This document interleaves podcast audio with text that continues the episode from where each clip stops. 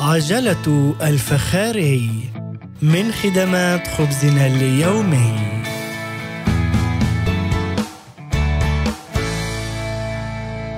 وضع صاحب متجر لافتة كتب عليها. إن كسرتها تشتريها. وذلك في محاولة لمنع الأشخاص غير الحريصين أو المهملين من كسر الأشياء في المتجر.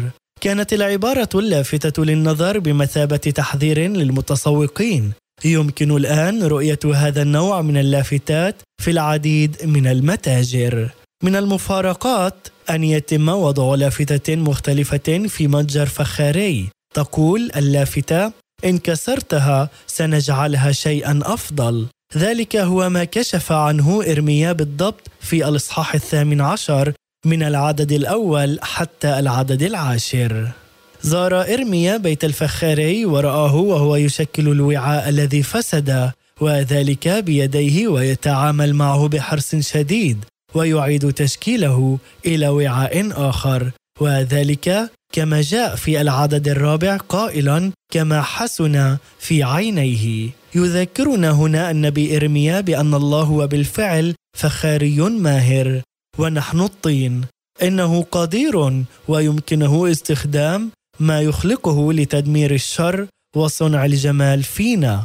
يستطيع الله تشكيلنا حتى عندما نفسد أو نكسر ويمكنه كفخاري ماهر أن يصنع من أشلائنا اناء جميلا وثمينا. لذلك لا ينظر الله إلى حياتنا المكسورة أو إلى أخطائنا وماضينا كمواد غير صالحة.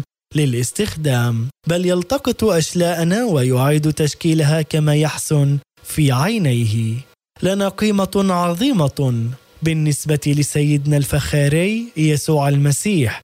يمكن لحياتنا المكسورة أن تصبح في يديه آنية جميلة يستطيع الرب استخدامها. ما هي الراحة التي يمكنك أن تجدها في معرفة أن الله هو الفخاري الأعظم؟ الذي يمكنه صنع شيء جديد من حطامك؟ هل يمكنك الاسترخاء والاستسلام ليد الفخاري وهو يعيد تشكيلك إلى وعاء جميل؟ خبزنا اليوم هو تأمل نستوحيه من سفر أرميا الأصحاح الثامن عشر ومن الآية الأولى وحتى الآية العاشرة.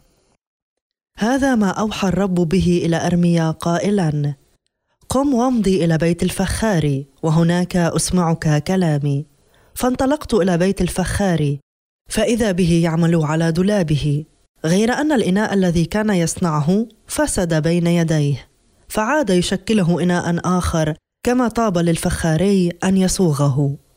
عندئذ قال لي الرب يا ذرية إسرائيل ألا أستطيع أن أصنع بكم كما صنع الفخاري إنكم في يدي كالطين في يد الفخاري تارة أقضي على أمة وعلى مملكة بالاستئصال والهدم والدمار. فترتد تلك الأمة التي قضيت عليها بالعقاب عن شرها. فأكف عن الشر الذي نويت معاقبتها به.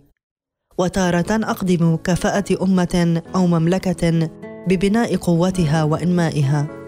ثم لا تلبث أن ترتكب الشر أمامي ولا تسمع لصوتي فأكف عن الخير الذي نويت أن أنعم به عليها.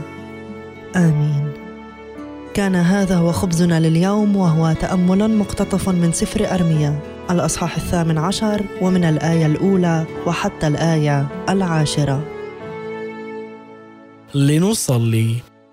أنت يا إلهنا الحبيب أنت هو الفخاري الأعظم وأنا الطين. شكلني كما تريد وكما يحلو في عينيك. ذكرني بأنني بين يديك الماهرتين والراعيتين. أسلم لك حياتي واستخدمني لمجد اسمك. أصلي هذا في اسم يسوع المسيح. تشجيع اليوم مقدم من خدمات خبزنا اليومي. يمكنكم أيضا زيارة موقعنا odb.org